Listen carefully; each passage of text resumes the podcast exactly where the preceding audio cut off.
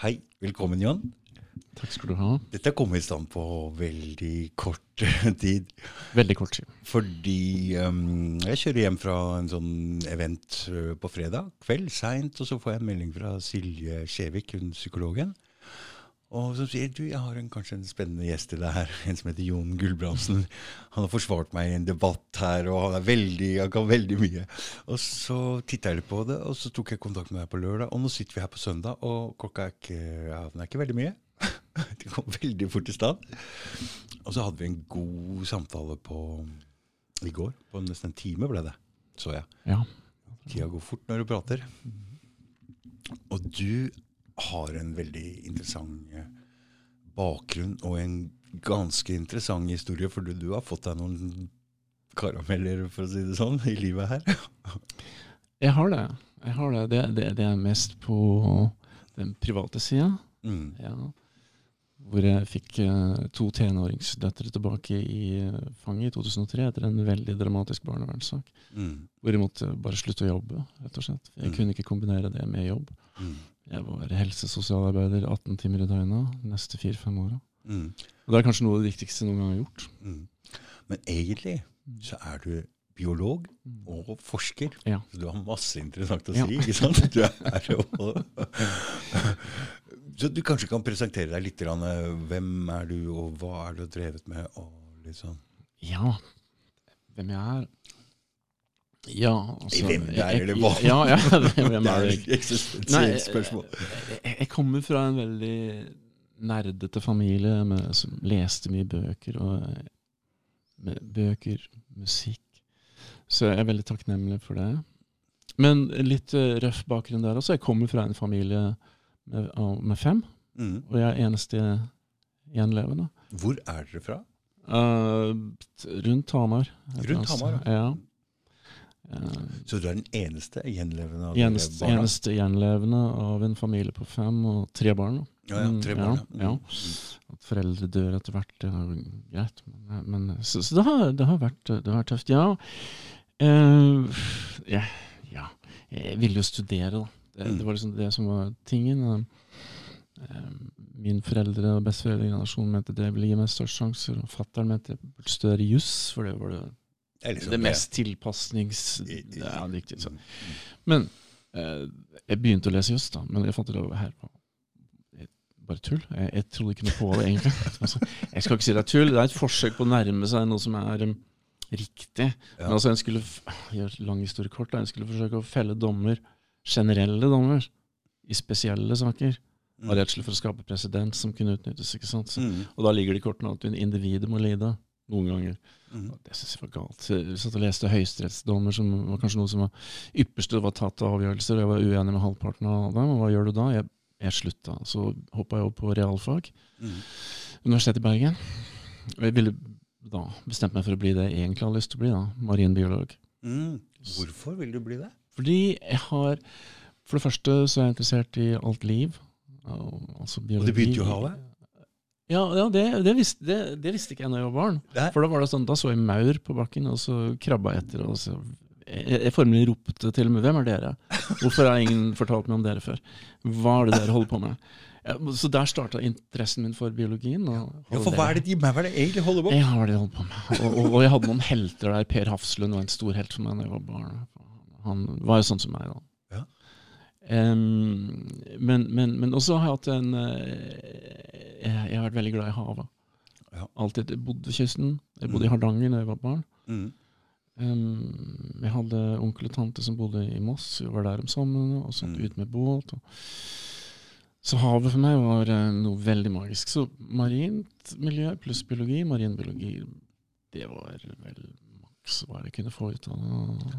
Det var ble da. Og så er det jo mye ukjent i havet. Det er jo, Ja. ikke Ja. sant? Det er jo et område som ikke er veldig godt altså Alt som er på land, er vel ganske godt utforska Ja. nå, men havet tror jeg ikke vi har Ja. fått helt Jeg hadde et midlere havdyp på 4500 meter, tror jeg, sånn eh, all verdenshavene.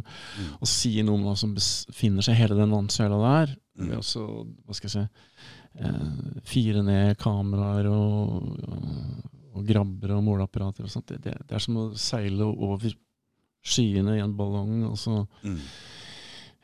eh, ja, fire ned tilsvarende apparater, og så dra det opp igjen og, og si noe om liv på jorda. Det er ikke så lett. For det er et svært område, så det, er Svært det er område. interessant. Og så plutselig dukker det opp sånne en enorm fisk. Sånn som den der megamouth, en, en svær, svær hai da, som ble oppdaga på 70-tallet. Ja. 76, tror jeg det var. Altså, en sånn seks meter lang fisk ikke har visst om før. Så. Det er åpent for at mye rart kan dukke opp. Ja. Det er det. Så, så spennende. Mm. Så, så, det var grunnen. Også. Men ja, så ble jeg konsulent først en kort periode. Og så ble jeg forsker Mm. ja, ved en forskningsinstitusjon på Nordvestlandet. Mm. Som nå ikke er mer, men er nå spist opp av en annen stor forskningsinstitusjon som heter Nofima. Ja. Så, så, mm, så, så, så jeg ble forsker, ja. Em, eh, ja. og Det var noe av det vi snakket om. Da. Det Mhm. ble ikke akkurat sånn som jeg hadde tenkt meg. Nei, det ble ikke akkurat sånn. du jeg hadde tenkt For, fortell litt grann om hva, for du har ganske godt innblikk i hva og forskning Hvordan er det dette blir eh, ja. Hvordan er det de henter ut midler? Hvordan er det forskning oh, ja. Ja, eller, bare- begynn Ja, du penger er jo noe helt Det, det er det det til sjuende og sist dreier seg om. Men, men Mm, mm. forskning skal jo dreie seg om Det er en måte å jobbe på via observasjon, hypotese, test. Ja. Det, det, det er hva du skal gjøre. Mm, Og, og hvilke observasjoner du får, og hvilke ideer du får, det, det skal egentlig Inni en, i en forskerhjerne skal det være en ren prosess. da. Men i dag er dessverre veldig, veldig mye politisert. Ja. Grunnforskning er sånn.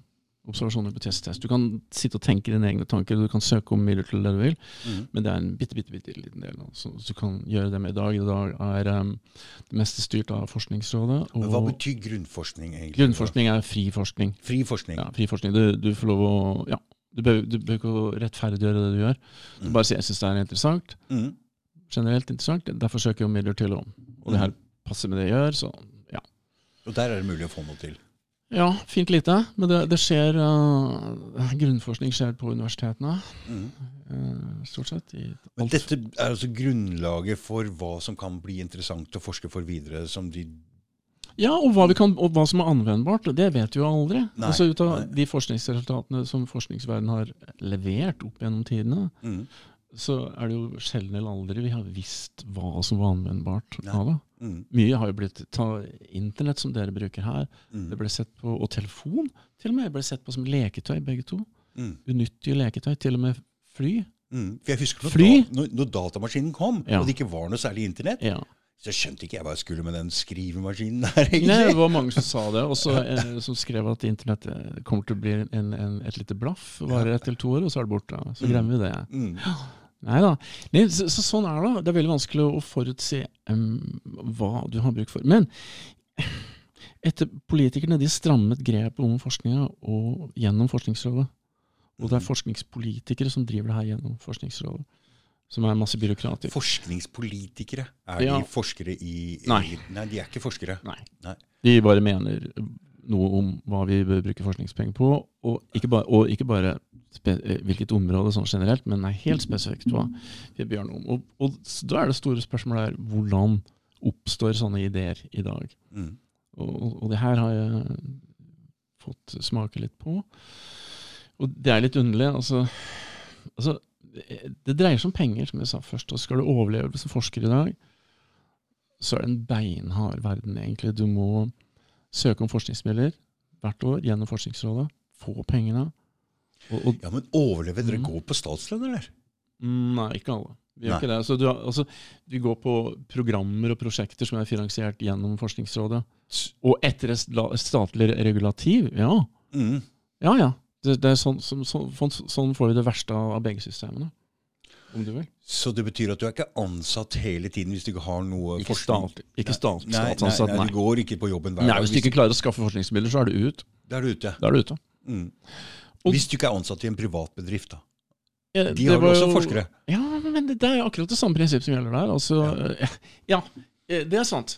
Men uh, enkelte store bedrifter De Har har, egne forskningsavdelinger. Mm, mm, mm. Og der går ting på skinner, men da er det Da, Spesifikt hva da er vet du hva du skal gjøre. Ikke sant? Ja. Mm. Så de, Big Pharma har jo det. Ikke sant? De, de brukte oss i noen grad også. Mm. Vi kjørte noe program for eh, Hoffmann La Roche og Pfizer og, og sånne ting, som nå er kjent for de her vaksinene sine, blant annet. Mm. Men, men, men du, du, må, du må eh, søke om pengene, og du må få det. Og det er ganske hardt press hvis du er uh, ung forsker med familieansvar. Mm. Så, så er det en, en, en tøff verden. Altså, du må bare skaffe pengene. Altså. For du sitter jo med gjeld, ikke sant, Ja. etter utdanning. Og ja. Og, mm, Men hvordan det her funker, det er altså, du må lete, For det første så må du lete i Forskningsrådets programmer. altså Finne ord som passer til det du sjøl kan. mm, Og når du skriver søknaden, så må du bruke alle de her honnørordene. Ja. Altså de ordene som forskningspolitikere og forskningsbyråkrater bruker Ja. sjøl. Sånn som bærekraft og i dag grønne skifter og Når jeg var forsker, så var bærekraft var definitivt inn. Mm. Eh, kvinner var også veldig viktig når jeg var forsker. Så hadde man alle de her magiske ordene. mm, Klima er det nå, da. mm, Sånn. Så, så, så øker sjansene for for å få penger. For det, det her er hva forskningspolitikere sier, at det her er viktig. mm, Og når de sier det er viktig, og vi leser at de sier det er viktig, selvfølgelig sier vi at ja, det her er veldig viktig. mm. For da kjenner de igjen sine egne ord. Derfor kaller det honnørord. Og så Du kan gjerne komme opp med egne ideer, eh, sånn som i kjølvannet av at det ble etterlyst alternative oppdrettsarter til laks og ørret. Mm, for Så var der, det- der var du inne. Der var jeg inne. Mm, mm. Og så var jeg på marinavdeling, og, og der var det da en som kom på at ja, vi kunne undersøke kveite, om det kunne ha noe for seg. Mm, en grei nok hypotese, det. mm, Kan hende. mm, Men vi oppdaga jo Ja, det som skjedde, da, det, det var at fyren skrev først en søknad. Og en ålreit fyr, smart mann, her. Han, han skrev at, uh, i søknaden sin at kveite er antagelig en lovende fremtidig oppdrettsart. Derfor søker jeg midler til, og så skrev han hva han sjøl kunne om, og så fikk han pengene. Mm. Fisken overlevde. Så neste søknad åpna han med at kveite er en lovende fremtidig oppdrettsart. mm, Derfor forsøker midler til, så fikk han enda mer penger. mm. Og da, de som satt rundt han, de kopierte jo den skrivemåten her, så de fikk Mm. også penger, og så vokste det. Mm, Og i andre miljøer så de hva vi gjorde, så de begynte da å gjøre det samme. mm, De fikk også penger, og dermed Mm. vokste det, og vokste det, mm. og vokste det.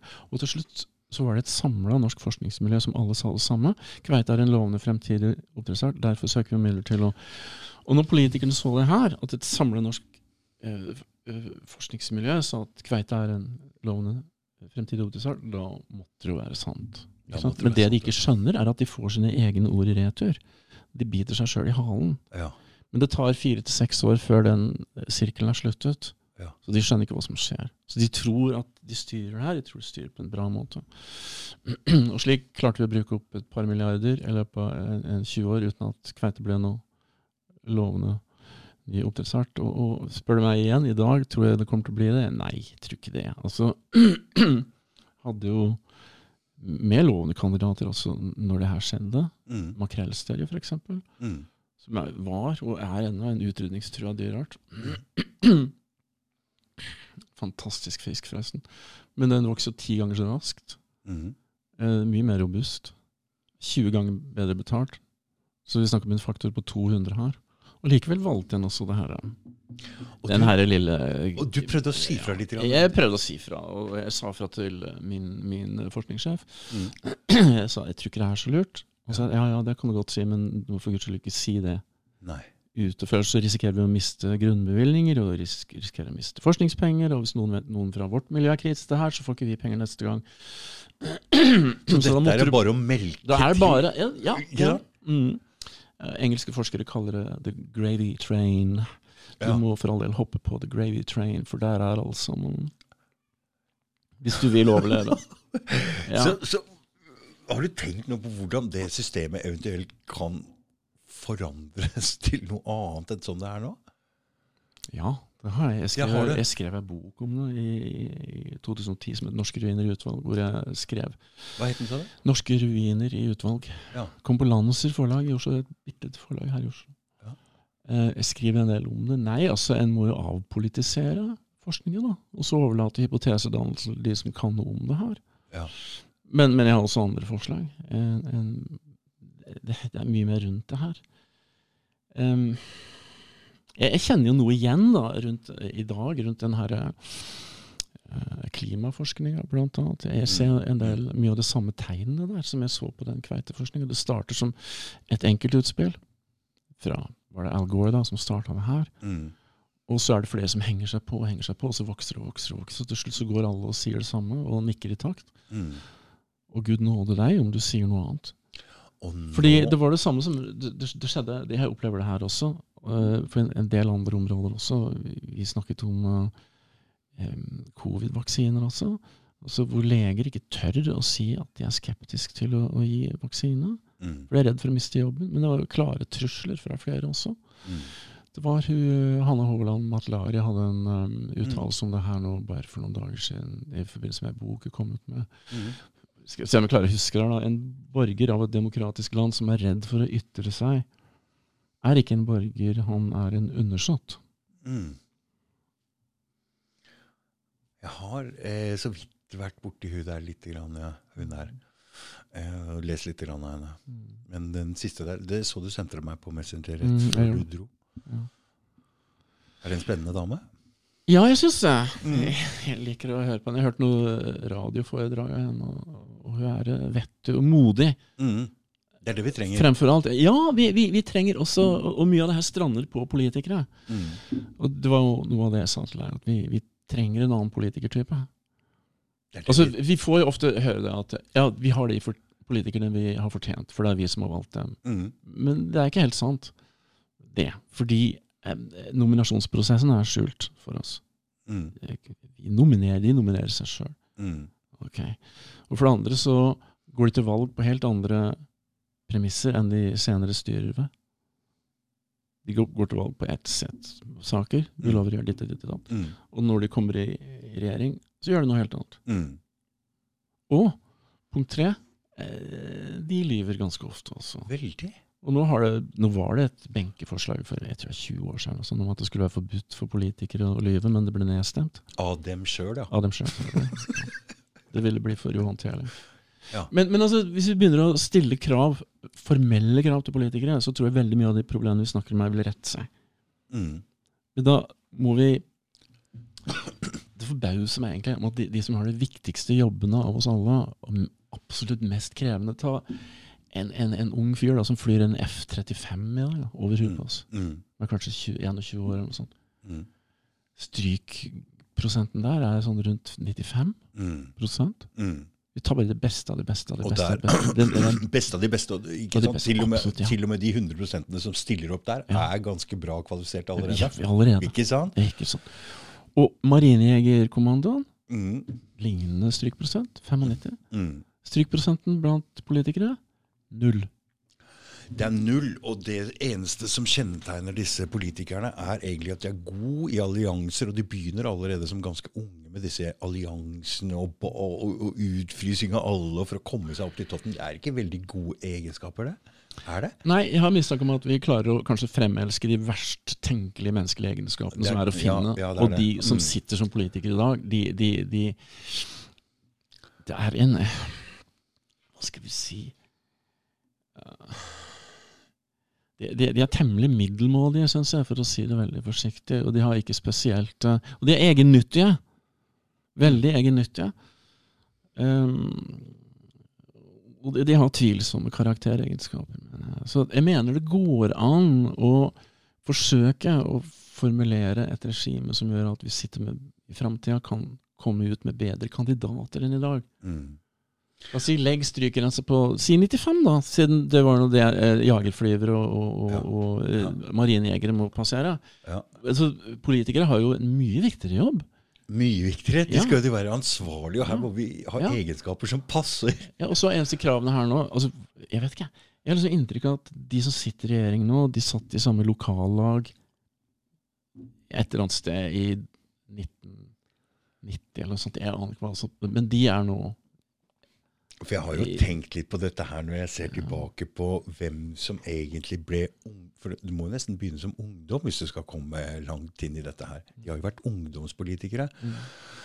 Og da tenker jeg, hvem var det i all verden som gadd å være ungdomspolitiker når jeg var ung? Jeg tenker det var Oi, nå ser jeg noe. Det var faktisk ikke de mest sosiale. Det var ikke de mest smarte. Det var, det var raringa.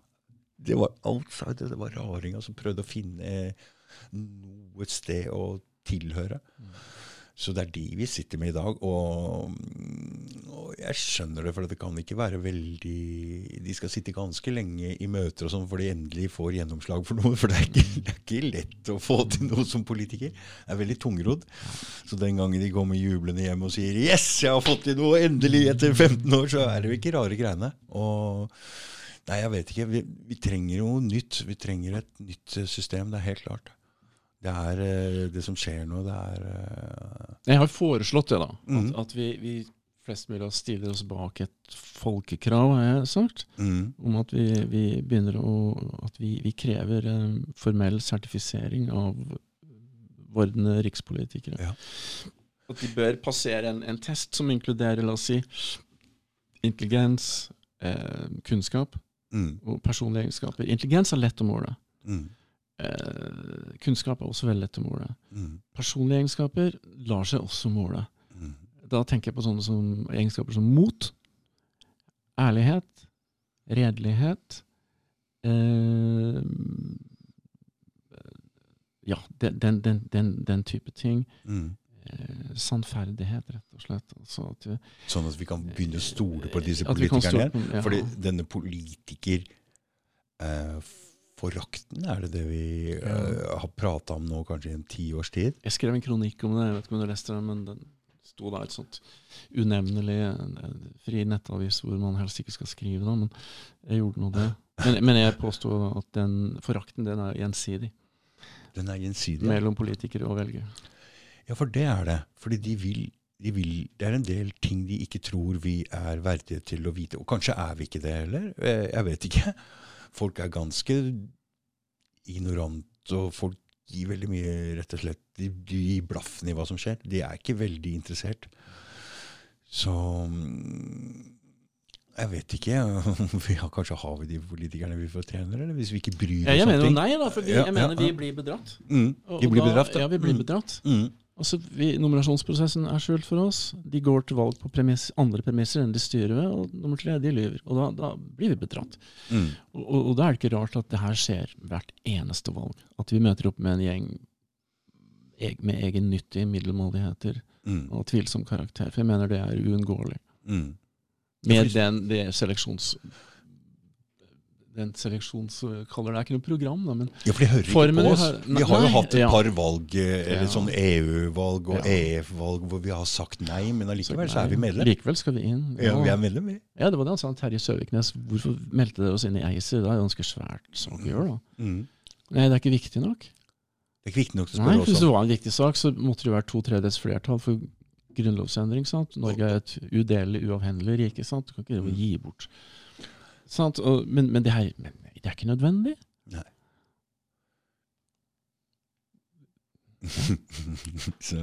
Men, men, altså, men, men jeg, blir, jeg, blir litt, jeg blir litt engstelig. jeg, Jeg må si det. Det er mye frykt, frykt og sinne der ute. Og, og jeg kjenner sindige mannfolk som knytter neven i bukselommene altså for å beherske seg, altså ikke gjøre noe dumt. Overhjulet. Og som jeg sa til i stad, så, såpass sindig mann som Jan Petter Schisser sprekker for åpen scene og sier at vi burde stille de jævla politikerne for riksrett. I hvilken sak, i hvilket, eh, på hvilken ting da? Var det noe med strømmen eller ACER, eller hva Det var det eh, strømkostnadene, og som da truet med å, å kjøre mange, mange bedrifter konkurs, og det skjer jo allerede. Ja, det skjer allerede. Og der mister vi arbeidsplasser. Og de lovte oss at dette skulle ikke bli dyrere. Ja, vi lover flere arbeidsplasser, og vi lover Ja, sant? Ja. Men, men det er ikke noe, de sier aldri noe om hvordan, sant? Nei. Men Sissener forstår jo det, for han er jo, eh, han er jo investor. Mm. Han forstår jo veldig godt. Mm. Men når en såpass sindig mann som Sissener sprekker for åpen scene, hva da med andre? Mm. Som f.eks. en Som har Ale, alenefar Som har tapt eh, alt. eh, sant. Eh, som har gått konkurs på feil side av nyttår, og som har barn hjemme som fryser. Og ikke Mm. kan betale strømregninger. Hva skjer mm. når han blir sint? Mm. Og, og, og kanskje av de mest lettantennelige av oss. Mm. Eh, eh, og, og, og samtidig så er det jeg syns jeg, et, jeg klamrer og klamrer hånd fra politikerne, altså, jf. det Janne Haaland Matlari sa. Også, at vi eh, i, i, i pressestøttemediene, iallfall statsmediene, så er det noe henimot total sensur. Du kan jo ta opp sånne ting som klima. Er det en, en, en positiv korrelasjon mellom antropogent CO2 uh, og, og, og, temperatur? Jeg har ennå ikke sett en sånn korrelasjon. Altså, du, du, har det, men det er modelldata de bruker. Men å si noe sånn, å få en debatt rundt det her i NRK, eller med CISO til stede og sånt, sammen med klimarealister. Er helt umulig. Mm. Men det var for, en eller annen gang for det, Hvor mange år siden er det at det fikk lov, en av disse fra klimarealistene fikk lov å være med i en ja. debatt? Han satt oppe Det var Ivar Gjæver som ja, var på TV 2. Ja. Mm, han satt oppe blant publikum og fikk i hvert fall lov å snakke oh, i fem minutter. Det var, ja, det var en annen fyr. Mm. Han, mm. Men etter det har det ikke vært noe? Ja, jo, det var, det var Ivar Gjæver. Norsk nobelprisvinner i fysikk. Ja. Og han var litt for viktig. da. Du kunne bare skubbe han vekk. Og det var TV 2 da med Gerhard Helskog mm. som intervjua han. Og Det begynner å bli noen år siden nå? Eller? Det var i 2015, tror jeg. Ok. Mm. Og da var det en temmelig spak um, uh, Hva heter han der Bjørn uh, Samset, som, som, satt i studio. Uh, men, men, det Ivar Gjævers budskap var jo veldig enkelt, egentlig. Vi har ingen datasett som, som, som støtter det her. Altså Tvert om. Og så over geologisk tid så er det en invers korrelasjon mellom temperatur og CO2-nivå. Hvis du bruker proxydata over de siste 2500 år, som to tyske fysikere har gjort, veldig grundig undersøkelse også, så, så, så bruker de det er en sånn matematisk analysemetode her som heter forir, transformasjon. Okay. Det er det du gjør for også, Hvis du mistenker om at et fenomen kan være syklisk, mm, ja. så, så, kjører du en forir-transformasjon. Du må ha datamaskiner for å gjøre det, for det, det tar tid å gjøre det. Ja. Og de putta masse data og pluss praksisdata, måledata faktisk fra helt tilbake til 1751, tror jeg. Mm. Pluss masse praksisdata fra 2500 år tilbake. Og kom ut med tre klokkeklare sinuskurver. Det var syklisk. Ja, det var syklisk. Og, og, det, da, og det, skjønner jo alle, for det har jo vært varmere før ja, på Grønland. Altså, men da har, du også, da har du tre sånne sinuskurver, mm. og så har du en kurve som viser CO2-nivået i atmosfæren, som er monotont voksende. Mm. Og det er to, matematisk to vidt forskjellige fenomener. Mm. Og Derfor har det Iallfall matematisk har det ingenting med hverandre å gjøre. Så hva skal jeg si, da? Det, det er sånn, du, du, du, men det kommer ingen vei med det her. Altså, fordi den type argumentasjon du møter andre veien, det er som Gro Harlem Brundtland sa for noen år siden nå, det er umoralsk å tvile. Ja, for den diskusjonen er død. Ja. Er, er diskusjonen forbi. er over. Diskusjonen er over, ja. ja. Og så har du alle de her eh, forskerne som bare må være enige, for ellers så sitter forskningsmedlemmene de, de sitter ikke løst, altså. Nei. Så de må jatte med og si at eh, Og det her gjorde jeg sjøl en periode også. For jeg, jeg, har vært flere steder i verden. Jeg, jeg var gjesteforsker i USA. Jeg har bodd de siste fem åra i, i pluss-minus. Jeg har vært litt hjemme i Norge også. I Burundi. Ja. Sentral-Afrika, er kona mi er derfra. Mm. Holdt foredrag om Og det jeg har konsentrert meg om, det er uh, den kommende matvarekrisa som jeg snakka om i snart 30 år, tror jeg. Eh, men ingen vil høre på. Um, du har snakka om det allerede, allerede, i 30 år. ja, snart 30 år. Jeg. Ja. ja. Og nå, Jon? Og, nå, og, og her kommer tingen. For, for jeg, jeg, holdt masse foredrag, og jeg, og jeg brukte tallene fra, eller utsagnene fra FN. Og sa at det er en klimakrise. Og det kan bety lavere produksjon av landbruksprodukter. Mm. Oi, tenkte jeg. Ok, her sier FN det her. Hvem er lille meg? Og så jeg er forsker, jeg vet hva jeg holder på med. Jeg, håper, jeg regner med de vet hva de holder på med. Mm. Inntil jeg begynte å, å, å, å, titte nærmere på det her sjøl. Og da fant jeg ut at det var egentlig ikke noe god dekning for å si det her. Nei. Ja. Men, men, men jeg, så jeg har da måttet gå tilbake. Jeg skrev en artikkel i et amerikansk tidsskrift, og det spredde jeg da for alle vinder, også til Burundi, så jeg kunne rydde opp etter meg. For jeg måtte jo da si at det her jeg har sagt før, og støtte meg til FN-tall, det er sannsynligvis ikke riktig. Eh, Men, men, vi går, men vi går mot en matvarekrise, ja. Men det er av helt andre årsaker. Det er ikke pga. økende CO2-innhold. Tvert om. Hvis du vil ha en, en, grønnere planet og produsere mer mat, så må du slippe ut mer CO2, ikke mindre. Mm. Det vet alle som driver et drivhus eller noe og dyrker Eh, hvis, hvis, du, hvis du er sånn intellektuell redelig, iallfall, så vil de fleste våge å vedgå seg det, tror jeg. Mm. Altså, det, altså, det, altså, det, det, er temmelig altså, Hvis jeg sier Hvis jeg gikk til min forskningssjef og sa at jeg tror det er en sammenheng mellom faktor A og B, så vil det første han vil si, det er har du en korrelasjonsanalyse. Mm. Vis meg en regresjon på det her. Altså, greit, kan vi snakke om. Hva er areanverdien din? Det er en sånn statistisk verdi som forteller hvor sikker du er på tallene. Da kan vi snakke. For da er det iallfall en, en, en um, statistisk korrelasjon. Mm. Og da kan vi snakke om det er en reell korrelasjon, altså faktisk saklig. For du kan finne korrelasjoner på alt mulig rart som ikke Mm. har sammenheng. Mm.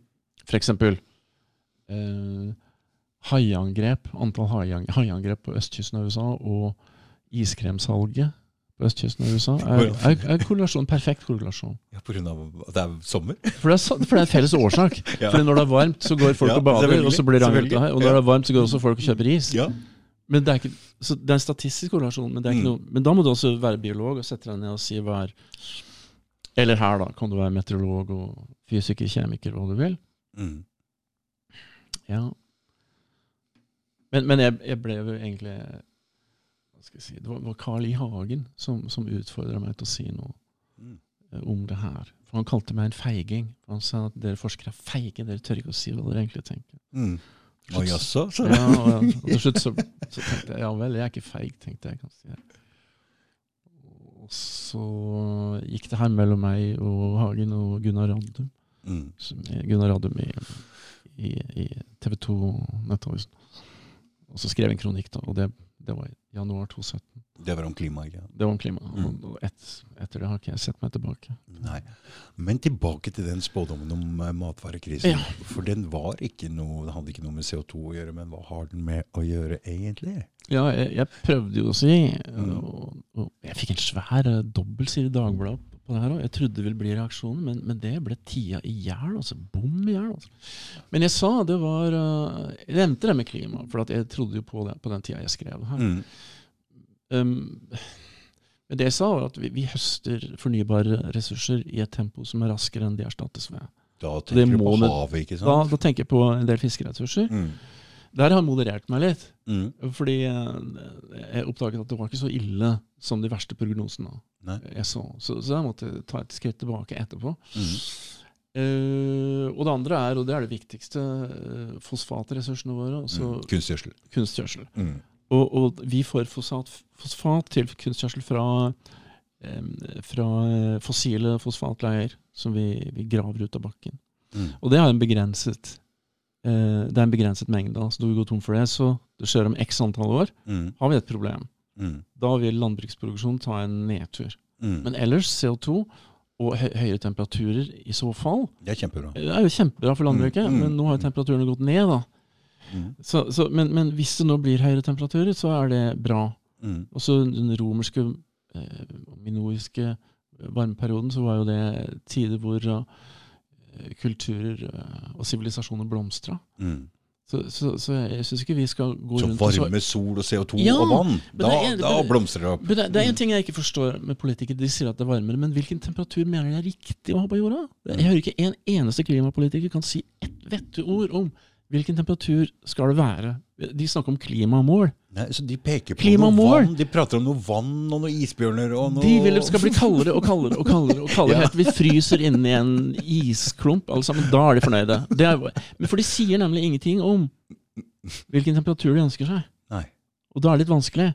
Og jeg synes det der med klimamål blir litt, eh, litt sånn merkelig ting å snakke om når de ikke engang har en korrelasjon. Mm. Hva er det de snakker om? Jeg tror ikke de vet det sjøl. Nei, de peker på Polen og smelting av is og De peker på FN eh, eh, og eh, ICP, som peker igjen på dem.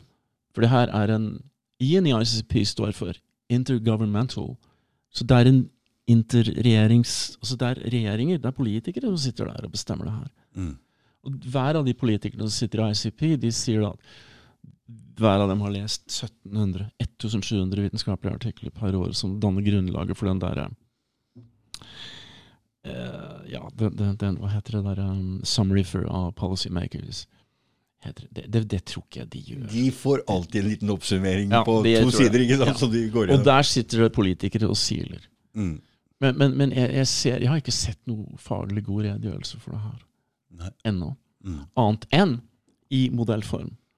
Og, og det er vel en 140 sånne klimamodeller nå. Og det er bare én klimamodell som meg bekjent jeg vet fungerer, og det er den russiske.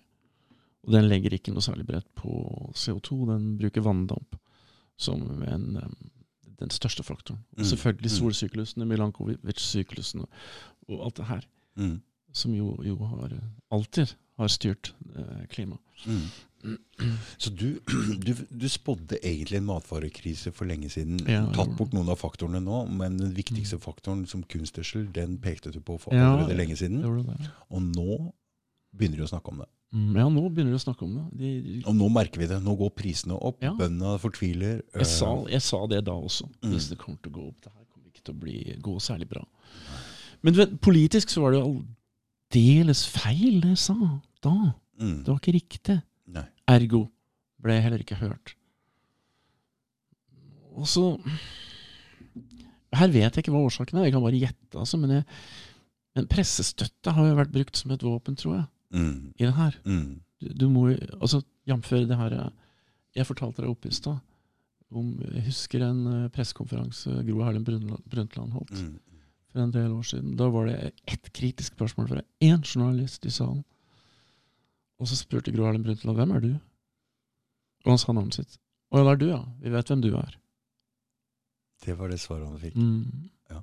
Og så kom det der. Det er umoralsk og tvil og alt det der. Ja. Ja, jeg, jeg, jeg, tror veien å gå er å, å få Det var noe jeg lærte hjemme av min gamle far. Det var intellektuell redelighet. Den derre evnen til å si i en debatt, sjøl om det står beinhardt på dine poenger Hvis du skjønner at du tar feil, Mm. så si 'Å, filler'n, det har jeg ikke tenkt på. Beklager'. Ja, det har du rett i. Bare snu. Mm. Bare vær såpass redelig at du kan endre syn, Mm. istedenfor å si at vi har sagt i programmet vårt, eller hva, hva er det de sier for noe, politikerne? De har allerede sagt det, sant? så de kan ikke si noe annet nå. Nei, nei, de går jo ut med Ja. partiprogrammet Ja. sitt. Når de diskuterer seg imellom, Ja. så kan de jo ikke forandre mening. Og det, igjen, det her, jeg prøvde å dra i gang noe nede i Burundi også, og det gikk jo på mat. Mm. Eh, kona fra Burundi, så det er grunnen at jeg har bodd der nede. Det er litt av historie, det òg. Mm. Min kone bodde sammen med meg i Norge i tre år. Men så ble jeg deportert. Kastet ut av Norge. Men dere var gift, eller? Nei, vi fikk ikke lov å gifte oss i Norge, for at du må, være, du må ha lovlig opphold i Norge for å få lov til å gifte deg i Norge. Så vi fikk ikke lov. Men så vi var samboere. Mm. Og vi søkte da UDI om å få lov til å være sammen fordi vi lov, lov til å bo i Norge. Men de sa nei. En regel er en regel. En regel og regler er til for å holdes. Beklager. Hun må ut. Men jeg appellerte og appellerte. appellerte. Og så plutselig en dag sto politiet på døra og tok henne med seg. Tvangsdeportert og utvist fra Norge og Schengen i fem år. Så, så jeg, ja. Så jeg reiste etter. Det jeg gjorde, og sånn havna jeg i Burundi. Men kan ikke noen gifte seg med en fra utlandet? Jeg Du må, jo da, hvis du har lovlig opphold. Hvis du har søkt UDI om lovlig opp, opp, opphold, og på Ja. statsråd du får det, kan du gifte deg med Norge. Så vi gifta oss i Burundi, da, selvfølgelig. Mm. Så der ble vi gift. Mm. I eh, mars 2016. Men, men eh, der forsøkte jeg Det var fattigdom der. altså Burundi er verdens fattigste land, målt i inntekt per capita. Og, og, og folk sulter i hjel, faktisk. Små barn funn, ble funnet nedover der. er Ihjelsulta i Er det ikke frodig i Afrika med masse vekstmuligheter? Og, eller er det dårlig med vann der, eller hva er det for noe? Som ja, masse vann i. Sentral-Afrika. Jeg, jeg, altså jeg bodde i Sentral-Afrika, og der er det masse vann. Det er masse vann, det er masse Men du kan ikke sol. gå, det er ikke alt du kan spise. Gå ut i naturen og spise av, av blad og sånt. ja. Nei, det må Du dyrkes. gjør det, det må Mm. dyrkes. Og Mm. det er noen som eier det. Det er noen som eier det. Ja, og da er det gjerne mer lønnsomt å selge det til Kongo, f.eks. Enn å la sultne barn gå og forsyne seg i åkeren. Mm. det, det, men, men jeg satte i gang et lite program sammen med kona. Vi kokte ris og bønner og inviterte de her gatebarna inn. Det var sånn litt spytt i havet. Det ble bare Vi klarte å hjelpe noen. Så flytter jeg derfra. Og, og så, det er en forferdelig situasjon, egentlig. Du føler deg aldeles hjelpeløs. Men så tenkte jeg jeg, jeg kjente jo noen burundiske politikere etter hvert, og jeg tok kontakt med burundiske ambassadøren i Norge, og jeg tenkte kan vi få i gang et eller annet Vi holdt masse foredrag nede i Burundi om matproduksjon, hvordan vi kunne effektivisere matproduksjon. Mm. Masse interesse rundt det her. Og, og så tenkte jeg kanskje vi kan gjøre noe, for Norge har jo utviklingsprogrammer. Så kanskje Norge kan putte inn noen penger her. Så kan vi, Mm. Mm. for det her, er- I det her skjæringspunktet mellom akvakultur, fiskeri og landbruk så er det en del synergieffekter som kan hentes ut. Mm. Så vi kan eh, øke effektiviteten. Men, men da svarer jo um, Utenriksdepartementet jo at eh, nei, fordi vårt fokus er på energi, Mm. godt styresett og utdanning. Og her står det ikke noe om mat. Gjør det det? Nei, det gjør ikke det. Altså, det kan vi ikke gjøre. Ok, Så dere mener altså at de, dere vil heller sende ungene på skole før dere gir dem mat? Ja, det blir altså konsekvensen. Men det her er noe de skrev, et brev de skrev til seg sjøl på 60-tallet, tror jeg. For dette her har vært en norsk strategi veldig lenge. Mm. Så det går ikke an å gjøre noe med mat ute, fordi at den norske strategien i forhold til utviklingshjelp, det dreier seg ikke om mat. Og mat kommer først, aller først av alt. Hva? Mat og Skulle vann. jo tro det, da! Men Mm. sant? Nei, det er energi, godt styresett og utdanning. Det kommer etter mat og vann. Ja, ja det, det var det de sa i Burundi også. Hva er det slags logikk er det her? Man, sånn. Men, men bare skal jeg forklare? Sånn er norske politikere. De tenker ikke spesielt godt. Eller hva er det for noe? Har de steinhjerter, eller er de bare dumme, eller er de styrt av andre? Det her er et evig spørsmål.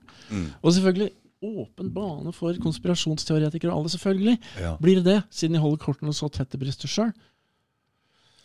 Så, og, så ingen aner noe om hva de egentlig holder på med. Mm. Selvfølgelig, det, det, det flommer over av ideer. Mm. Og dermed er, er du høyreekstrem rasist eller noe sånt, antagelig. Hvis du bare våger å spekulere Mm. hva det kan være. Men som sagt, jeg, jeg tror problemet er at vi har for dårlige politikere. Og jeg sier at det her lar seg ordne hvis vi innfører et, et, en, en, en obligatorisk um, sertifiseringsordning for, eh, for kommende rikspolitikere. Jo, det er, et- det, er veldig, det er et veldig interessant krav. Og hvis det er noe For vi begynner å bli ganske mange som, er, eh, Mm. som ser at det er mye feil i samfunnet Mm. her. Og det er en voksende greie, spesielt nå de to og et halvt siste årene. Ja. Og hvis vi kan klare å samle oss om bare ett krav, hvis vi kan samle alle de kreftene om ett eller to krav, så burde kanskje det være det ene kravet. La oss i all verden få For det er som du sa i stad, bare for alle ting så er det krav. altså. Alle jobber har øh, krav. Og, og jeg sier, hvorfor ikke legge lista like høyt som vi gjør for jagerfløyvere og marinejegere? Mm. 95 fast strykprosent på Ja, 95 ja, ja, ja. Og så, de som består en sånn test, Mm. kan da stille til valg. Mm.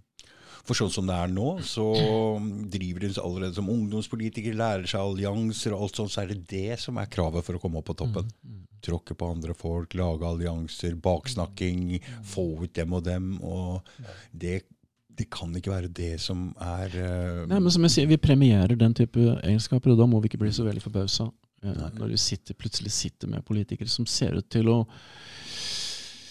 oppføre seg dårligere enn hva man forventer av vanlige folk. Mm. Det er ikke så rart. mm. Det er ikke til å unngå. Så du har hatt problemer med barnevernet. Du har skrevet deg litt kritisk om det. Du har vært innom klima, og du ser forskningsmiljøet er ganske Du vet hvordan det fungerer. Og, men når jeg leste um, hva du forsvarte Silje med, så var det fordi hun var, var hun skeptisk til vaksinene, var det det? Ja. Og du har altså turt å gå litt og snakke om det også? Ja! Jeg, jeg, jeg fikk jo merke det der på kroppen sjøl, for jeg bodde jo i Burundi når det her eh, brøt løs. da. Mm. Og jeg hadde jo tenkt meg tilbake til Norge, for jeg har et hus i Norge, og jeg hadde tenkt å passe på ting der. Men du hørte ikke at de ropte 'alle i hele verden må hjem nå'? Jo, men der, der satt jeg jo, da. Ja. Sånn at jeg hadde en returbillett. ja. Så jeg ringte jo Ethiopian Airlines og, og spurte gjelder den her. Er det, kan, Ja, ja, Og de sa ja, ja. den gjelder. Så det er. Mm, ikke noe problem. Men så kansellerte de den, og, så, og det skjedde med en gang. De kansellerte den. Men så sier vi du har fått en ny billett da og da. Ja. Ok, Og så kansellerte de den. Så, du skal få en ny billett. Ok, Og så bare plutselig var det ikke noen billetter lenger. Jon i Burundi, han. Og der satt jeg, Ja. i Burundi. Men så, så ble jeg evakuert av et belgisk militærfly Ja. til slutt. Eh, og sånn kom jeg til Brussel. Ja. Og så kom jeg meg hjem. Eh, så når jeg kom til Brussel, og så senere Amsterdam, og klarte å krangle meg til Norge, så så jeg den her eh,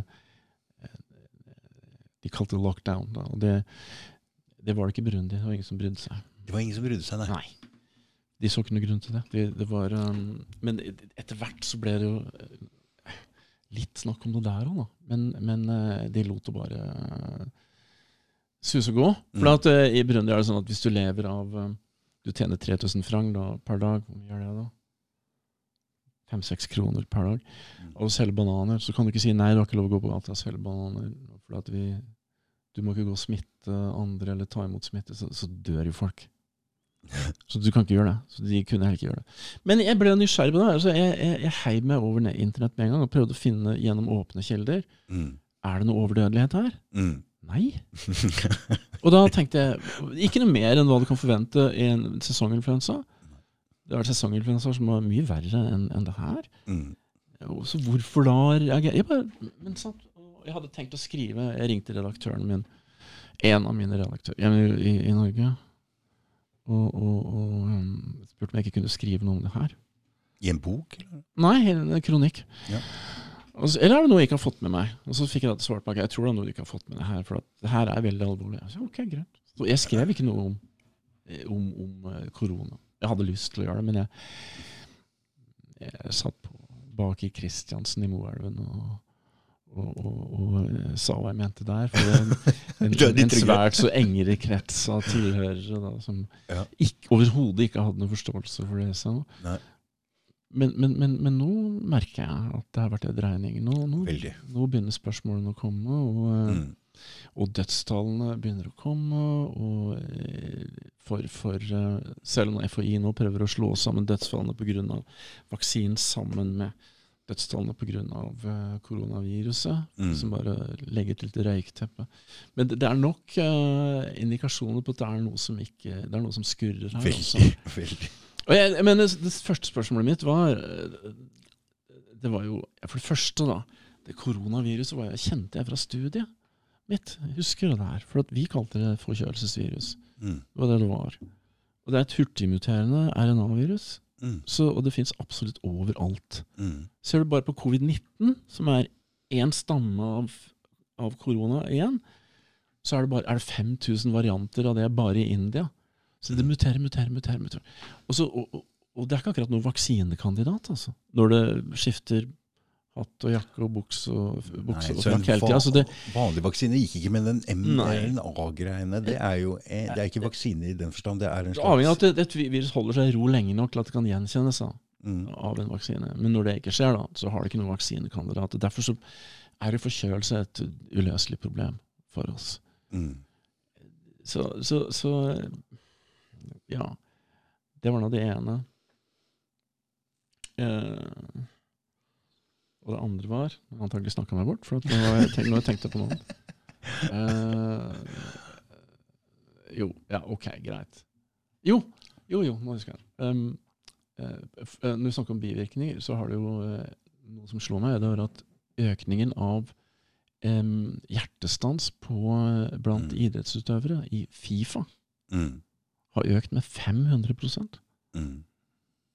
Vi så jo han dansken datt jo Ja. om uh, i VM der. Og de kan si ja, det her er, for, det her er tilfeldig. det er tilfeldig, og Hvem vet hva det her skyldes? Men vi, vi, hvis du sitter med svære svære datamengder, så fins det Mm. eh, statistiske analysemetoder Mm. for å skille sånne Mm. effekter. Mm. Det er ikke sånn at Du behøver å sveve i uvitenhet om det her. Og forsikringsselskaper og flyveselskaper, altså de har jo tatt litt Ja, konsekvensen for av det de, her. de Forsikringsselskapene, spesielt i USA, Mm. de, de, de må jo øh, holde øye med sånne ting. Ja. Så de har jo reagert De reagerte jo momentant. Mm. Veldig fort. Mm. Og de har sine egne statistikker også. Mm. Og flyver og sånn, også som Ja. forandrer lufttrykk og sånn. Der er det lett at det også skjer noe øh, blodproppgreier, eller? Ja, det er det faktisk. Men ja, det, det er det. For en, en del får uh, lange flyreiser, så er det noen som får Men flyvere skal være i god helse, da. Mm. Så, så um, i hvilken grad det spiller en, det jeg det, det vet jeg ikke noe om, faktisk. Nei. Om flyvere har uh, Ja, det har vært noe med noen flyvere og noe fly og jeg, Ok. jeg, jeg følger ikke så veldig godt med, men Ja. um, Men det er perikarditt og myokarditt-frekvensen som er økt. da. mm. Så det er bivirkninger på det her. Ja, det skulle bare mangle. Og, og, og, og nå husker jeg endelig hva jeg skulle si. Mm. Det, det andre argumentet mitt var hvor lang tid tar det å utvikle en vaksine? Normalt åtte til ti år. Mm. Det er den tida det tar. Og her prøver han også å innbille oss at tar, vi klarer det her på seks til ti måneder. Fordi vi bare øker forskningsinnsatsen. Mm. Sorry, Mac, det er ikke sånn det funker i biologien. Ting tar tid. Mm. For å registrere eh, bivirkninger, effekter, så, så, så, så, så må det gå sin gang, altså. Sin skeive gang. Mm. I organismen. Og det er ikke noe, noe som lar seg påskynde ved å kjøre eh, Hva skal jeg si eh, Mer um, intense eh, forskningsprogrammer. Da. Det er ikke noe du kan påskynde, noe du kan akselerere. Nei. Men, men, men eh, de har jo hatt eh, influensavaksiner, og den influensaen den forandrer seg jo litt hvert år. Og det bruker de vel ikke åtte til ti år på å utvikle? Nei, fordi du har en, du har en influensavaksine som, Ja. som du bare modererer ja, med, mm, eh, til neste år, til neste år, så, mm, med små, mm, med små eh, moderasjon. Så den eneste måten de kan speede opp den akselerasjonen på De kan gjøre det med datamodeller. Ikke sant? Nei, ikke, ikke, ikke med å registrere bivirkninger hos Nei, mennesker. nei, da nei, må du rett og slett. Da må, Mm. du, Mm. må du følge pasienter, og store Mm. grupper pasienter over tid, inntil eh, Mm. de manifesterer seg. Altså. Mm. Det er ikke noe du, du kan ikke speede opp tida. Men denne mRNA-greiene, det har jo blitt brukt i noe sånn um, kreftgreier før. Altså, den, den covid-19-vaksina fra Pfizer, den har jo vært kjent i en eller annen form før, men den ble jo brukt som behandlingsform eh, eh, for eh, um, å, å avhjelpe terminale kreftpasienter. Altså Mm. døende kreftpasienter. Det var det det ble brukt til. ja, ja. Men, men um, Ja. Nei. eh, men tallene er uh, rimelig klare, altså. Så Mm. det, det synes, Ja. Og det er det vi diskuterer her. Mm. Så det er klart at um, nå, etter en sånn covid-reaksjon Vi ser jo det på kommentarfelt og alt mulig, så nå er folk drittlei det. Og det har blitt en del bivirkninger. Og når vi snakket om politikerforakt for ti år siden, så begynner den forakten å kanskje gå. Vi kan kanskje kalle det noe annet etter hvert her nå. eh, For det er politikere som har styrt dette her. Og nå, hvis vi går mot høyere strømpriser, høyere bensinpriser, matvarepriser, så så er det kanskje på tide å få disse politikerne altså Vi må forandre på systemet nå. Fordi, Lykke til med nå, det. ja, ja, men altså- nå begynner kravet altså, Det Ja. begynner å bli nok folk. Ja, det gjør det. Og du nevnte Silje Skjevik her. Hun er jo psykolog. Mm. Jobber jo med ganske tøffe grupper pasienter her i, i Mm. Oslo. Mm. Og, og, hun kjenner jo det her fra sin side. Mm. Det er effekten av det her lockdown-regimet. Mm. Alle som blir sittende alene Mm. I, i, Ja, ja. i, i to år, og, og, og selvmordsfrekvensen etter hva jeg har forstått på Silje, gått opp. Mm. Og, rart, og, psykologen registrerer jo det her. Mm. Ja, nei, det har, det har gått av skaftet, og jeg mener um, Fordi vi, det vi, Jeg hadde hatt lyst til å egentlig hatt en podkast om hva er det vi egentlig har vært igjennom i de to årene. For det er ganske groteske greier, og det har gått inn på hvert enkelt menneskeliv av oss. Det har, alle har blitt affektert av det. Både psykologisk og, og andre ting. Så det har vært morsomt eller vært interessant å gått gjennom det. Det er så lett å glemme det, for nå har fokuset plutselig blitt et helt annet sted. Så vi har liksom ikke fått noe ordentlig gjennomgang av det. For det, det, det skal vi ha. For så sitter de altså og planlegger sin nye greie der med å gi all makt over til WHO nå neste gang hvor det skjer. hvor det skal, De skal bare tvie sine hender og bare si to sine hender, Vi har ingenting med det å gjøre lenger. Mm. Dette blir styrt fra WHO nå, og de kan ikke peke på oss lenger. Mm.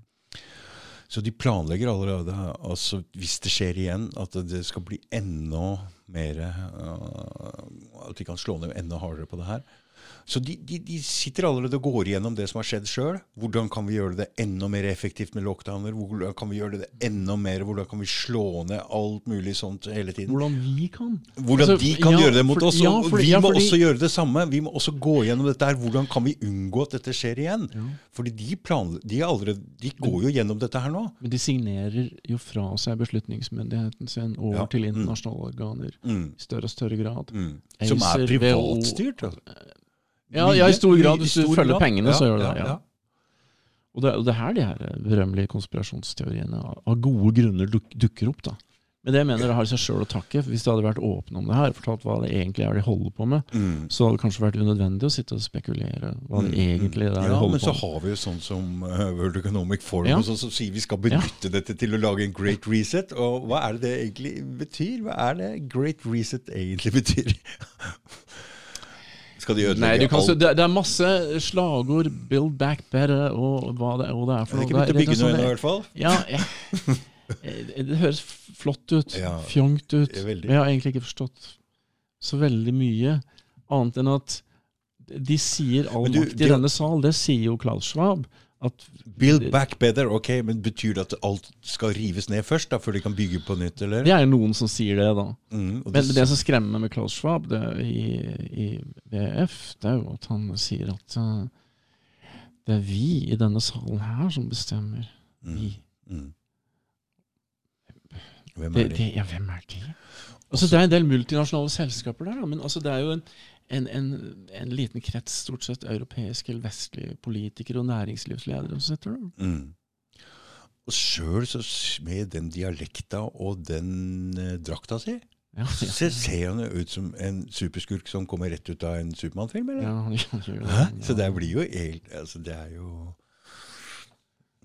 Nei. nei Hva slags nei. Det ser rart ut. Jeg har sett en video om han her også, som lå ute på nett, eh, på YouTube. Hans bakgrunn og sånt. Jeg kunne riktig alt som sies Nei, der, men eh, det er da umulig å si. Men det er, det er litt sånn som norske politikere som Ola Borten Moe og andre, sånn at de har eierinteresser og de har fordeler osv. Sånn. Han, blir jo, han, han har jo eh, blitt rik på det her sjøl, da. Mm. Han har blitt rik på det sjøl. ja. Mm. Det er ikke lite penger de her medlemslandene som er med i WF i Davos hvert år må betale for å være der. helt tatt være der. Ja. Så medlemslandene betaler inn en Kontingent, Kontingent, og, og, og, en, mm. og en sum per hode som, som deltar. da. Her er jo ja, men det kommer jo folk fra næringslivsledere og alt ja, mulig. Ja, Ja, ja, ja. ja. Det er vel veldig mange norske politikere som har vært innom der. Og og næringslivsledere. Og ledere, og hatt en, en eller annen eh, direktør- eller presidenttittel eller et eller annet. Mm. Barth Eide er jo en av de som har vært der. Ja, altså. Børge Brende. Ja. Og, og det her, Hvordan kan Norge være så eh, oppe på toppen både når det gjelder Nato, World Economic Forum? Vi betaler for det. Vi betaler for det. Mm. Vi gir penger. Vi, det, er, det er ingen grunn til at Norge skulle ha en sånn uh, posisjon. Vi er et bitte, bitte, bitte lite land. Bitte lite land. Ja. Men vi, vi har, vi er insignifikant, egentlig. Sånn. Men Men vi har energi. Vi har vi har uh, oljepenger ved energi, og dermed kan politikerne våre uh, kjøpe seg venner. mm. Og det har de da gjort. Med hvilket formål, det skal ikke jeg si noe om, for det vet jeg alt ikke. Men jeg, ser ikke at, jeg kan ikke si at vi, vanlige borgere, får noe særlig ut av det her. Tvert om. Nei. Det er hva jeg kan se. Mm. Og da, igjen, må, må folk nødvendigvis begynne å spekulere. Det Altså. må vi Det må vi få lov til. Nei, vi har ikke det, men, men vi gjør det likevel. Ja. Ja, det må vi. Det må vi få lov til å prøve å gjette hva i all verden er det her. Men det er jo mange ting som, tydeligvis peker samme retning, og, og, og, at det er Ja. noen som driver med et eller annet der. Ja, ja. Nei, sånne ting som du skal ikke eie noe, du skal være lykkelig og sånne ting. Det er, sånn- jeg tenkte, ja vel. Men det, det er noen som har Jeg tror ikke Klaus Schwab har tatt mål av seg til ikke eie noe, akkurat. Det ser ikke sånn ut. Nei. Heller ikke Barth Eide. Gjør han seg rik på det her, da? Sjøl? De har jo De tjener jo bra, da. Jeg vet Det ikke, jeg. ja, ja. Jeg, jeg, jeg, kan ikke si noe sånn det var jo nå en sak akkurat nå om Ola Borten Moe og det her vindmøllene på Fosen og sånt, hvor det ble sagt at han hadde eierinteresser i det her vindmølleselskapene, som igjen skulle gi strøm til noe altså, annet som han jo- også hadde interesse i. Et eller annet sånt. Jeg husker ikke nøyaktig. De har jo sånn- inside information om hva som skal skje, så, Ja. og, og, Ja. men er det, det, inside, uh. Det er umulig å sette fingeren på det, men det, det minner jo om korrupsjon, da. Men jeg, jeg kan ikke si det er det. Men det, men, men det ser ikke bra ut. Nei. Nei. Så Altså, la, la oss gå for det du sa. La oss stille krav. La oss La oss stille krav Ja. full åpenhet. Mm, Og som de politikerne sjøl sier, mm, transparency sier de på engelsk, jeg vet Mm. ikke hvorfor de bruker det, men det er gjennomsiktighet. Altså, ting, Mm. Det vi holder på med skal være mm. gjennomskinnelig, gjennomsiktig. Det skal være Fordi det er jo våre penger, eller er det ikke? Jo, visst pokker er det det. Visst er det det. Ja. Da har vi en eierandel i det alle sammen, og da må vi få vite hva de bruker disse pengene til, og hva de driver med. Kommer an på hva du sier, for ikke alle som sier sånne gale ting som oss. Vi kommer, slipper ikke til i pressestøttemediene, ikke statsmediene. Vi må sitte her Ja. i en kjeller på Ja. hva heter det for noe? Avbyelse. Ja, Ja. Ja her må vi sitte. Her er vi henvist til For ellers burde vi egentlig ha fått litt mer oppmerksomhet. eh, Ja, i hvert fall her, du, Jon. Jeg er jo bare sånn som lar sånne som deg få lov å snakke. Jeg har ikke så veldig mye å si sjøl. Jeg bare ja, jatter med. Ja, jeg vet ikke det, men ja. Jo, det er sånn det er. Jeg um, gir et lite talerør til alle som ja, som jeg syns har noe interessant å komme med. Takk takker for det. da. Veldig hyggelig. Veldig god idé, forresten. Mm, jeg Spesielt trengtes. hvis du- ja. Jeg- Jeg vet ikke helt hvordan dette skjedde, men det har, nå har det skjedd. Og det vokser litt hele tida. Og jeg vet ikke Jeg er i hvert fall bare takknemlig for å kunne være med på det her. Endelig har noe å drive med, eller noe eh, som jeg syns er interessant. Og Du er ikke alene heller, og det er også litt um, motiverende vil jeg tro, også for deg. mm, Å se at de her frie nettavisene de blir jo flere og flere. mm, De prøvde jo å stenge dem en stund også. Du husker hun derre Hanne Holt, Arbeiderpartiet. Oh, ja. Hun sa noen må gjøre noe med Resett. Oh, ja. Noen må gjøre noe. Ja. Gjøre noe? Hun mente vel å stenge, da. Ja. Antagelig. ja. Men sånn, istedenfor å stenge Resett, så Ja! Og så var det Hvem var det? En eller annen minister Jo, det var han Rotevatn. Sveinung Rotevatn. Når han var eh, minister, så gikk han ut og, og skrev et brev til alle Jeg tror det var sånn. Hva slags, han Hva slags skrev- minister? han skrev- hm? Hva slags minister var han? Ah, det husker jeg ikke. Han var iallfall um, klima og miljø etter en eller gang. Men om det var. Mm. før en post han hadde før det, det husker jeg ikke. Men han skrev da et brev til alle sponsorene til Resett. Sa at hvis de ikke trakk sponsoravtalene eh, sine til Resett, så, for de hadde reklame i Resett, da, så ville han gjøre det vanskelig for dem. eller noe sånt. Okay. Og dermed trakk de eh, Og det her gjorde en minister, altså. Så de er dødsens seriøse. Altså. Så det var ikke bare Hanne Holt som sa at noen må gjøre noe. Det, det er litt sånn eh, Noen har snakket sammen. De har tydeligvis blitt enige om at de skulle ta eh, gjøre slutt på de frie nettavisene. For de lagde masse krøll for pressestøttemediene og statsmediene. Ja, og, Og det er det du nå gjør, da. Du lager masse krøll. ja, men sier- ja. Resett de tar vel dem på at de er høyreekstreme og innvandringsgreiene og det greiene der? Høyreekstreme rasister, og Mm, det mm, sier du til og med med en Ja. redaktør som er, har afrikansk kjæreste. Visst gjør de. Det stemmer. Det blir vanskelig. Jeg blir kalt rasist, det også. Mm. Og jeg har afrikansk, sentralafrikansk kone, og særlig svartere blir det ikke. Og du, er det klimaet som gjør at Ja, det er var fordi jeg rasist? sa Det var fordi jeg, eh, fordi jeg hadde vært eh, skeptisk til regjeringas klimapolitikk. Så ble jeg kalt rasist i et sånt kommentarfelt. Ja, for det broren min, han er jo mm, ikke Han tror ikke på noe med det klimagreiene og sånn. Han, han sier at det klimagreiene det er samme som de som er rasister, ja. Mm. Og så spurte jeg hvordan kan du si det. Hvordan vet du at jeg er rasist? Jo, for det er de som er klimaskeptikere, de er som regel også rasister. Ja, det var det. Mm, det er argumentet. Og Jeg sier ikke kona er sentralafrikaner. Jeg bare lot han bare få lov å brenne inne med den der. Det er, men det er sånn det fungerer, altså. Mm. Ja, det er, det er, Men det er jo ofte at de samme som peker på en del feil, peker på en del andre feil. Ja, er- ja selvfølgelig. Ikke sant? Så, så, så de som ser De det med klima, poeng, de de, de, som kler klima, de ser kanskje på innvandring som et problem. Og innvandring det er jo en ting som vi ikke har kunnet snakke om ordentlig Mm. her. Vi skulle jo tatt debatten, mm, men den har ikke blitt tatt uh, i det hele tatt. Og Steinar Lenn, husker du? Mm, mm, Han døde jo av kreft for en del år siden. mm, Han turte ikke å si noe før han lå på dødsleiet. mm. Da sa han det. Nå Mm. kan jeg si det, sa han. Var det Senterpartiet? Nei, hvem var det? Steinar Lem, han var da på venstresida et eller annet sted. Men han, sa, ja, Mm, mm, men han sa at uh, norsk innvandringspolitikk det, det ødelegger samfunnet vårt. mm, Han er ikke imot å hjelpe. Tvert om. mm, mm, Jeg er også et sånt menneske som ønsker å Mm. hjelpe flest mulig. mm, Men jeg mener at uh, det her, måten å gjøre det på er nødvendigvis ikke, ikke riktig, mm. det vi gjør nå. Måten vi har gjort det på nå. Um, Det må gå an å snakke om det. Må gå an å snakke om det, ikke sant? Ja. Ja. Men, men Steinar Lev sa at eh, det her går det ikke an å snakke om. Hvis du er interessert i å beholde jobben. Så han var da døende på det Mm. tidspunktet her. Og sa at Mm. ok, nå forlater jeg denne verden snart, så nå kan jeg si det. Så sa han. Men sånn har det altså blitt. Mm. Som Janne Haaland Mm. Matlari sa. Altså når en borger av et demokratisk samfunn ikke tør å ytre seg, da er han ikke borger lenger. Mm. Da er han en undersått. Mm. Ja, så Det er derfor de har den greia. De sier at du som ser klima, du ser noen problemer her, og kanskje noen andre steder også, så er det lett Men det ordet rasist og, Guilt by association heter Mm. det. Mm. Og, det, og det, er, uh, det, det er, en, metode de bruker. mm. Altså, når jeg får kritikk i, i, i, mediene for noe, et eller jeg har skrevet, så er det aldri uh, noen no motargumenter, faglig eller noe sånt. Nei.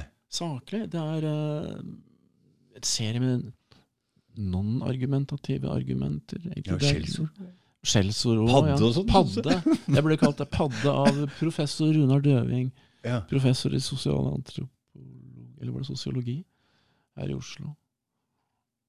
I, eh, over ei hel side i Morgenbladet. Padde. Ja. Så Morgenbladet ringte meg og sa du, du må få lov å svare på det her. ja. det er jo barnslig. Det er jo litt vittig, da. Men, men det, det burde ikke være sånn. Det burde ikke være sånn. Nei. Nei. Så jeg slåss da for et bedre samfunn, akkurat som deg. Så Mm. håper vi klarer å Ja. hva skal vi si, trykke på mange nok knapper lenge nok til at noe skjer. Mm. Men, men øh, siden du har vært i denne kampen ganske lenge, ser du noe forandring nå de siste Jeg gjør det. Du gjør det, ikke sant? Jeg gjør det. Jeg gjør det. Mm. Ja. Det er Men jeg lurer på om det er Det er samtidig en voldsom kamp for å, å, å, å stilne oss, alle oss som sier noe. Ja, det er det. For å kneble oss. Mm. Jeg ser det med Steigan, Ja. Mm. og de, de, de bruker alle midler, altså. Mm. Nå, nå går jo PST ut Ja. Mm. og sier at eh, altså staten da gjennom PST ja. Eh, de, de er ikke så interessert i å senke strømprisene, men de er veldig interessert i å følge med Mm. på dem som er sinte pga. høye strømpriser. ja. Jeg vet. jeg vet. og, Så, så, så de, så, og da er jo du og jeg i faresonen med en gang. ja, og så var det det med covid og sånn også. Det var Ja. liksom det når PST men, men hva er det PST Jeg skulle gjerne hatt en Nesten så jeg tar opp telefonen og ringer. Altså for det Er det virkelig sånn at de skal kunne gjøre hva de vil med oss?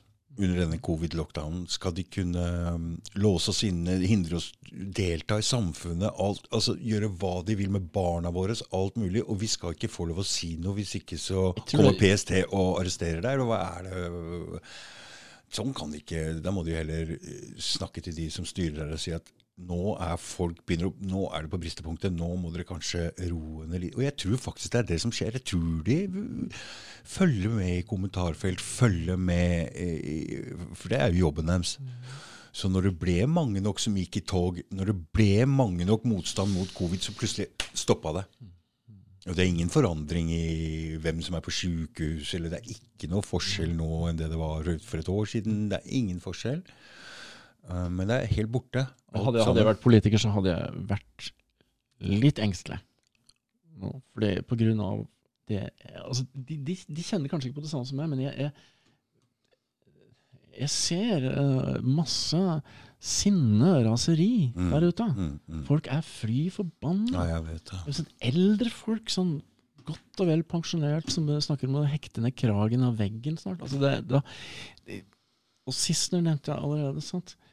Eh, I Italia så løper de og jager eh, politikerne gjennom gatene. Mm. Men vi har ikke det der lynnet der, italienske lynnet, vi. vet du, så vi gjør ikke det der ennå. Men Men vi har også mm. Nordmenn har også ei tålegrense. Mm. De kan ikke dytte oss hvor lenge de vil. Ja, for Da sa du noe interessant til meg på telefonen. Hadde de gjort en undersøkelse av hva slags lynne vi egentlig sitter med? Mm. Vi er treige, ikke sant? Han Vi, eh, vi tar litt lang tid før vi kommer, vi tar men når vi først reagerer, Ja. så reagerer vi ganske eh, kraftig. Jeg nevnte for deg den um, det det var en del av den strategiske analysen som Tyskland foretok før invasjonen av Norge 9.4.1940. Mm. Ført i pennen av en korvettenkaptein, Richard Schreiber. Mm. Hvor han sier at nordmannen er som jeg klarer å sitere deg til hukommelsen, nordmannen er etter sitt vesen langsom til å tenke og sen til å handle, ikke ulikt de frisiske bønder. Og Det var grunnlaget for at han mente at det ville være relativt trygt å invadere Norge, for vi vil sannsynligvis bare stå med hendene i lomma og, og glane og si 'hæ, hva er det som skjer nå?' Det gjorde vi, bortsett Det- fra han gærningen ute på Drøbak der. Bortsett fra han og noen til. Ja, altså Han fikk stort sett rett. Ja. Vi er treige, men, men jeg, jeg tror de forregner seg. Jeg, jeg, jeg, den type raseri jeg ser ute blant folk nå, det akkumuleres, og det blir sterkere og sterkere. Og sterkere, og til slutt så sprekker det ei boble der, ei boble der, ei boble der. Og de vil selvfølgelig si det er en høyreekstrem rasist, og vi kan bare glemme det der. Sånn, og ferdig med det. Men det vokser. Mm. Ja, Det det, vokser, det vokser. Mm. Og, og- og det er noe av grunnen til at vi ser ei dreining nå også, men jeg tror ærlig talt at politikerne våre ikke får det med seg. Jeg tror ikke de ser hva som skjer. Jeg tror de lever inni sin egen boble. Det kan det ikke være. Du, hør nå, Der de beskytta for det så du, okay. du nevnte jo det sjøl. Det med Kjerkol legger ut noe på Facebook, Ja. og kommentarfeltet der, og, og lattertegn og sinnetegn og sånn. Det eksploderte, og til slutt så blir det stengt. Så stengte de det ganske fort. Ja, men dette må jo hun Har fått med seg? Det må hun ha fått med Ja, seg. det har hun fått med seg, men jeg tror ikke de tenker over årsakene. At det er de sjøl som er, kan være problemet. Mm. Jeg tror at de rett og slett sitter på sin egen høyhest og sier det er vi som er problemet. Eller alle de Hvor mange var det som eh, sendte sinte liker, eh, eller sånne Sinteklikk, da. Hva heter det for noe? Det var mange, men, Mange. Kanskje, ikke, men kanskje ikke mange nok da, til at du kan si at de er representative. for det. Det er bare noen ekstremister som Så videre. Jeg, bare gjetter også, men jeg tror ikke de får det med seg. Altså, Jeg har jo fulgt med på dette helt siden covid starta. Og på førsten så var det nesten ingen som turte å si noe, for det ble høgd huet av. Det var 99 mot 1.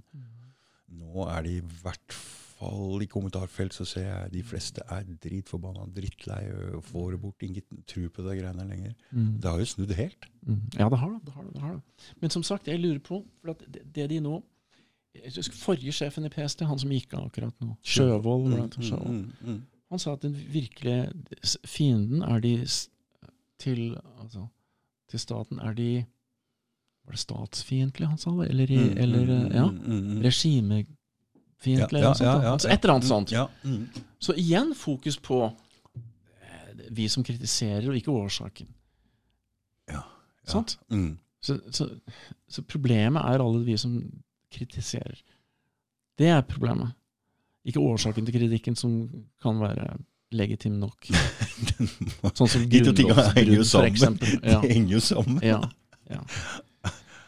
Så, så, så jeg, vet ikke, jeg, jeg, jeg er glad i landet mitt, og jeg håper virkelig vi klarer å, å, å eh, rydde opp i det her Mm. før det kommer til uh, ekstreme handlinger. Altså. Men jeg ser at det er farlig nær, og det er min vurdering. Mm. Ja, og vi skal visst få det litt verre. Vi skal få det verre òg. Vi har ikke fått regninga fra coviden ennå. Du må huske på at det er mange firmaer som har utsatt både husleie, moms og alt mulig, og stengt i flere måneder. De må jo sette opp prisene for å få inn pengene. Flere og, blir arbeidsløse. ja, Eh, bedrifter stenger pga. Strømregningene. Flere må også legge Selge. ned pga. høye dieselpriser. mm, Transportnæringa sliter med det. Matvareprisene går opp for det samme. mm. Folk mister jobbene sine, dårligere råd. Har ikke råd til å beholde leiligheten. Riktig. Må begynne å selge leiligheter. Ingen vil kjøpe. Altså boligkrakk. Ja. Og det er klart, når, når du begynner å kjenne det der på kroppen, så, så, så, så mm, vil sjøl en, en, en treig nordmann reagere før eller seinere. Mm. Men jeg tror problemet er med sånn type treige personligheter som vi nordboere er, er at når vi først reagerer, så kan det være ganske kontant. Mm. La oss håpe på at vi får til en forandring, selv om vi må kanskje få det litt verre først. Jeg er klar for det, bare ikke blir så veldig ille. Jeg, Altså, det er så mye rare tegn i tiden nå med ja, Jeg vet ikke. Vi får se. Føler du at du har fått sagt uh, Ja da, jeg syns vi har Ja Mm, da, mm, mm. jeg syns det. Tusen takk for at du valgte å komme ned en tur. Det var kjempehyggelig. Gleden er min. Tusen hjertelig takk skal du Mm. ha. Ha det. Ha det godt.